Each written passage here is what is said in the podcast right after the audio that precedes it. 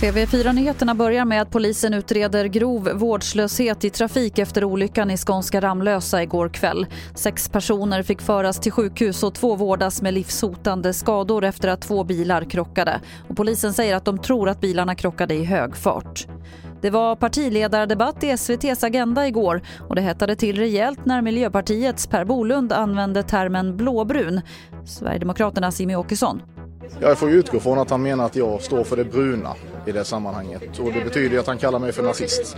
Och jag tycker dels att det är ovärdigt att göra det. Jag tycker att det är väldigt eh, osmakligt i en sån här debatt. Eh, jag tycker ju att eh, om man leder ett sånt parti som Jimmy Åkesson som är tydligt främlingsfientligt, ja men då får man nog tåla att också eh, faktiskt kallas för, tillsammans med sina kollegor som man vill bilda allians med, kallas blåbruna.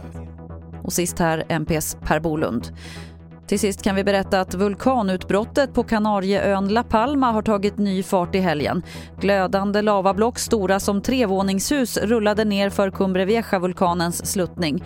Det har nu gått tre veckor sedan vulkanutbrottet startade. Fler än 1200 byggnader har förstörts och 6000 har fått lämna sina hem. Fler nyheter det hittar du på tv4.se. Jag heter Lotta Wall.